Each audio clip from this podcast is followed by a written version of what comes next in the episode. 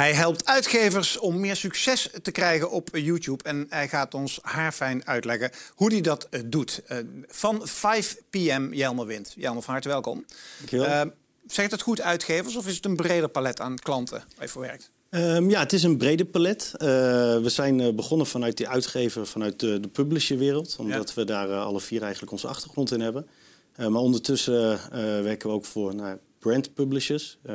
Ik, bedoel, ik, bedoel, daarmee een beetje de, de, merken die eigenlijk al heel veel bereik en heel veel fans hadden. Maar nooit zichzelf op YouTube dan wel iets, iets echt iets met video hebben gedaan. Ja. En ten derde de echte brands. Dus echte merken à la Coca-Cola, Axo Nobel, de Bijenkorf.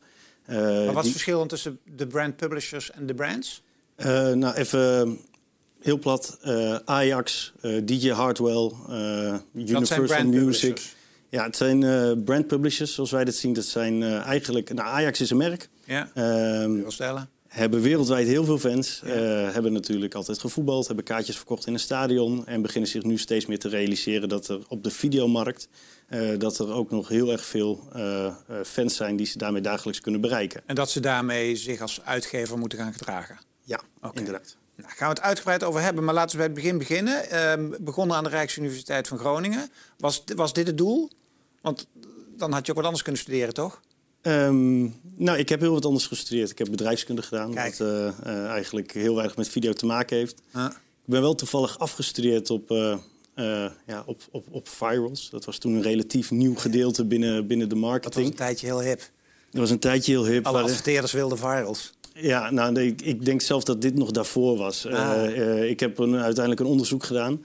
Uh, waarin YouTube op dat moment wel bestond. Maar, maar, maar Facebook, Hives, daar was het eigenlijk nog een beetje te vroeg voor. Ja, ja, dus hoe je echt een viral online creëerde, was toen heel redelijk beperkt. Ik denk, dat, ik denk dat dat onderzoek binnen een half jaar zichzelf achterhaald had. Ja, dat is altijd een beetje in het punt. Ehm, en ja, langs verschillende wegen bij RTL beland. Ja. Ehm, hoe was die tijd?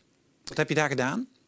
Nou, uh, enorm leuke tijd. Uh, ik ben daar begonnen op uh, de digitale afdeling uh, in Hilversum. het was redelijk het beginstadium. Het was niet de eerste dagen dat, dat, we, dat er net websites werden gemaakt rondom tv-programma's. Mm.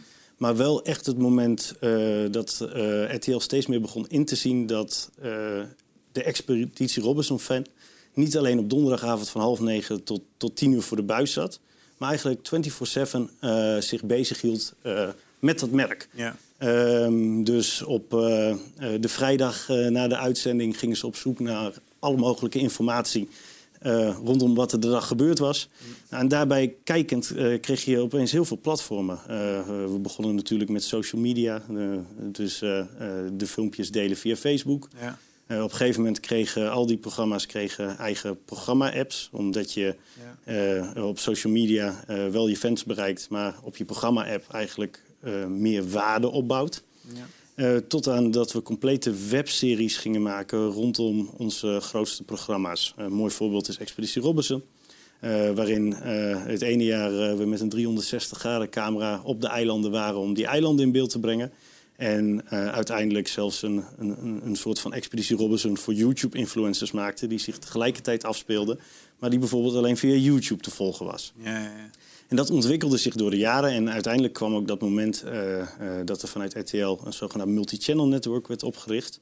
Uh, naar internationaal voorbeeld, waarin het in Amerika al veel gebeurde. Waarbij ze eigenlijk gewoon keken van hey, wat voor kanalen hebben bereik online. En die verzamelen we zodat we de adverteerders overheen kunnen jassen, toch? Of zeg ik nu iets te plat? Ja, nou in, in, in, de, ja, in de breedte is dat wel het idee. Maar ja. waar we op dat moment mee begonnen, zeker omdat er op dat moment nog niet zo heel veel adverteerders op dat soort platformen zich begonnen. Ja uh, was de awareness dat, dat een millennial kijker, een kijker onder de 30, eigenlijk uh, een beetje afstand deed van lineaire televisie. Oh, ja. ja. Uh, en, en, en waarin het spel van RTL, dat is uh, kijkminuten verzamelen elke ja. avond, zich ook heel nadrukkelijk op andere platformen begon af te spelen. Dus onze opdracht in het begin was relatief simpel. de kijkminuten die we op tv verliezen op platform waarin YouTube het grootste was, eh, proberen te verzamelen. En op die manier uh, ook de jonge kijkers toch in contact te houden met uh, de merken van RTL.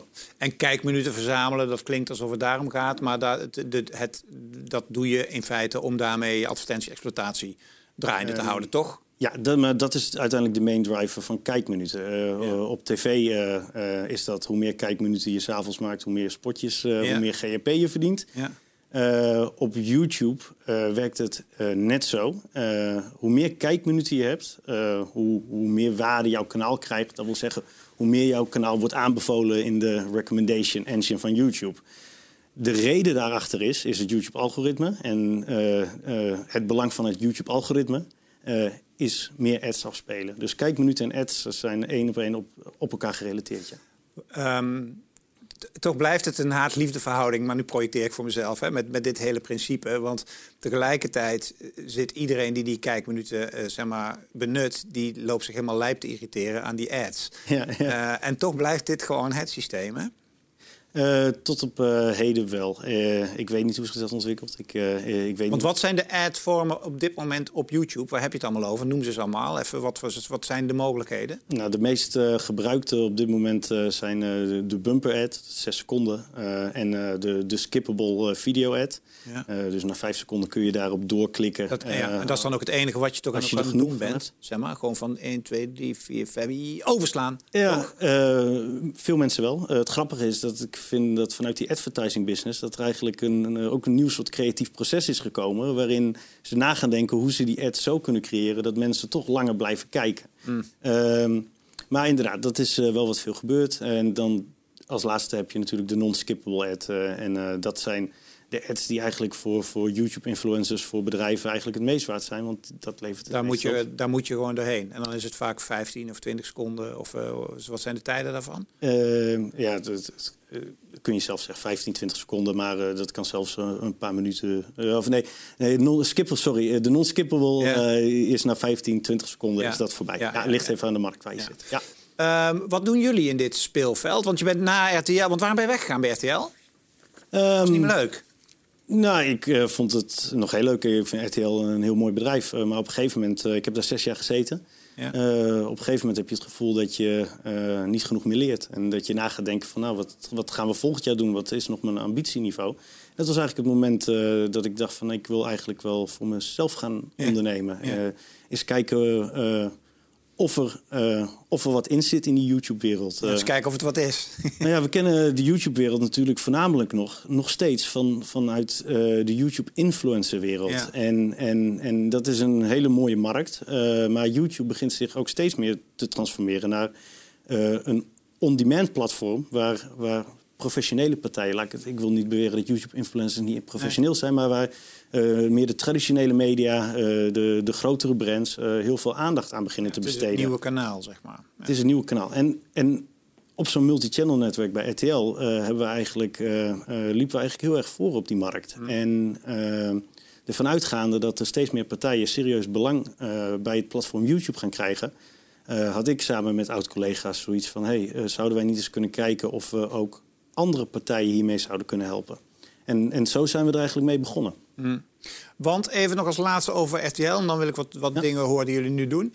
Uh, wat, je, wat je wel veel hoort is van ze, ze zien op zich die transformatie wel. Hè? Van jongens, het klassieke televisie ja. kijken, de zenders, dat is natuurlijk uh, een ellendebak. En daar online, daar gebeurt het. Maar met online compenseren we nog lang niet de ad-inkomsten die we verliezen aan de zenderkant. Ja. Dat zien we nu in alle, uh, dat zien we aan alle kanten nu naar buiten barsten. Hè? Want dus geen feest bij RTL. publieke omroep die loopt met zijn hand in het haar van, nou, dat is misschien een andere reden nog, want die krijgen geld uit, uit, uit, van ons. maar als we kijken naar RTL, denk je dat wat gaat er gebeuren met RTL? Want je zit er nu niet meer. Maar als je in de glazen bol kijkt, wat gaat er de komende jaren gebeuren? Ja, ik, ik, ik weet niet. Ik sta er op dit moment te ver vanaf. Ik ben eigenlijk al bijna twee jaar, uh, of anderhalf jaar ben ik weg bij RTL. Het enige wat ik van de buitenkant zie en wat ik heel goed vind, is, is uh, de groei van Videoland. En, en dat vond ik toen al een hele slimme aankoop, ondanks de te vele kritiek wat ze kregen. En dat vind ik eigenlijk nog steeds. En uh, heel, veel mensen. Nou, heel veel mensen kijken eraan over Videoland tegen, ten opzichte van Netflix. Ja, uh, kansloos, kansloos. En uh, ik denk dat als je er naar kijkt als een, een, een nieuw window, dus zeg ik een nieuw platform voor je content, waarin je relatief veel meer geld kunt verdienen dan een platform à la YouTube, dan is het eigenlijk een hele slimme. Want Omdat het hun platform is. het is van hun. En eh, eh, hoe zeg je dat eh, simpel? De kosten voor heel veel van de content, die zijn toch al gemaakt. Nou, die worden op tv uitgezonden en, en daar heb je een soort van business case. Spotinkomsten, branded content inkomsten ten opzichte van con- eh, kosten voor je content.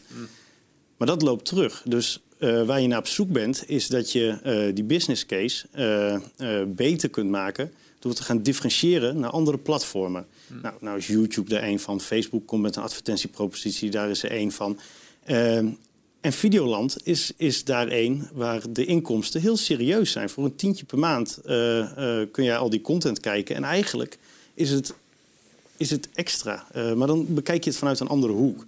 Ehm, daarnaast denk ik dat, dat de branded content hoek nog veel en veel interessanter gaat worden. Want, RTL? Eh, voor elke partij in, eh, eh, in Nederland. En wat sta je daar dan onder? Nou ja, het platste, het drinken van een flesje cola in, Ja. in, in goede tijden. Maar daar heb je heel veel vormen van die tegenwoordig best wel heel erg mooi overlopen. Ja. Ehm, omdat je op zoveel platformen aanwezig bent, creëer je dus uiteindelijk eh, heel erg veel bereik. Misschien wel meer dan dat je eh, vroeger op televisie deed. En dat maakt het voor uiteindelijk een, eh, een, een sponsor nog interessanter. Ja, ja. Wat doen jullie met 5PM? Eh, we zijn met 5PM zijn we een, eh, een YouTube-bureau begonnen. We zeggen YouTube Strategy and Services.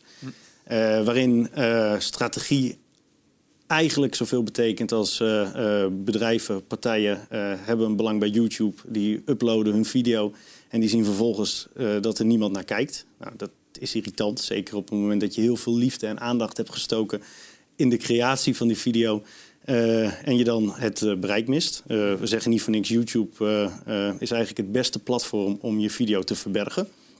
Eh, want, eh, ja, want in plaats van, van de tien concurrenten die je traditioneel op tv bijvoorbeeld had, heb je er nu opeens een miljoen. Ja, de- ja dat is lastig. Ehm, en binnen onze services tak eh, rondom YouTube. YouTube is natuurlijk wel een complex plat- platform. Ik zeg nu platform. ik denk ook dat het een zoekmachine is op dit moment. Tweede, hè? De tweede. Ja. Eh, en daar, Zelfde eigenaar, dus... eh, ja, ja, maar hij vindt natuurlijk... bedoel, Het is niet alleen dat YouTube de tweede engine is... maar ook in de eerste vind je YouTube terug natuurlijk. Ja, en zelfs in Google gaat video een steeds belangrijke rol spelen. Precies. Dus eh, ja. En rondom dat platform heb je dus heel veel, heel, veel, ja, heel veel services die erop een rol spelen. Want ten eerste, en dat is het belangrijkste, moet je eigenlijk techniek koppelen aan content. Op het moment dat je dat niet goed doet, eh, krijg je content minder aandacht. Eh, daarnaast eh, speelt het hele rechtenspectrum een hele grote rol. Zeker professionele partijen. het beschermen van hun content is eigenlijk driver nummer één. Ehm, eh, je, je zit met je monetization. We praten inderdaad over ads. En ik geloof er niet in. Voor de meeste partijen, zowel professioneel als, als voor influencers, is dat een hele belangrijke inkomstenbron voor, om, om het werk te kunnen blijven doen wat ze dagelijks doen.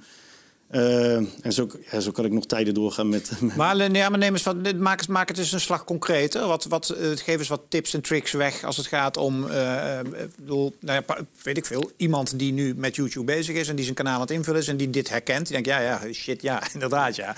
Mijn video staan er. En nu? Ik kan het misschien wel een beetje uitleggen aan de hand van, van de Telegraaf. Ja, dat is- waar jullie voor werken? is een klant van ons. En ehm, die Bereik gesproken. Enorm bereik, ja. Ja. En, eh, maar die komen natuurlijk uit een bijzondere business ja, v- van de krant. En op een gegeven moment hebben die bedacht van eh, eh, video is ook een belangrijk onderdeel eh, van, eh, van ons als uitgever. Dus die hebben eigen platformen opgericht. En op een gegeven moment eh, komt ook YouTube aan bod. Want ja, je bent op zoek eh, naar extra bereik. Je bent op zoek naar een jongere doelgroep. eh, je bent op zoek naar extra inkomsten. En wij zijn vorig jaar met de Telegraaf aan de slag te gaan. eh, die, die eigenlijk een situatie hadden waarin ze eh 20 nieuwsvideo's per dag maakten. En die eh, op het moment dat ze af waren, eh, één op één op YouTube doorplaatsten. Nou, dat, dat liep niet zo goed. Zeker niet voor het, eh, de kwantiteit die zij hadden. hadden ze 30, 35.000 eh, abonnees en, en 5, 6 miljoen views in de maand.